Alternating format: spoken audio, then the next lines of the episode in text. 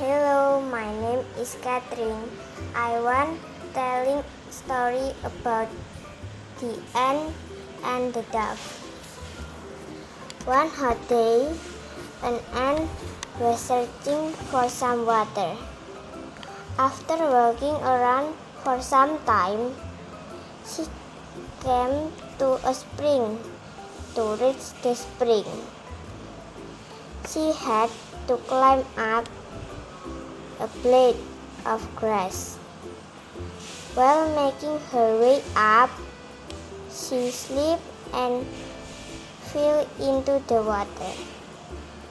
She could have drowned if a dove up a nearby tree had not seen her, seeing that the ant was in trouble.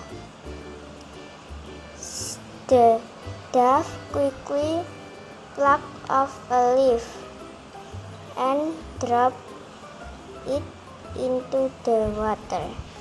Near the struggling ant, the ant moved towards the leaf and climbed up there.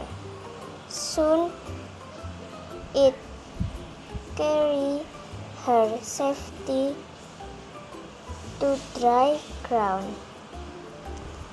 Just at that time, a hunter nearby was throwing out his net towards the dove, hoping to trap it.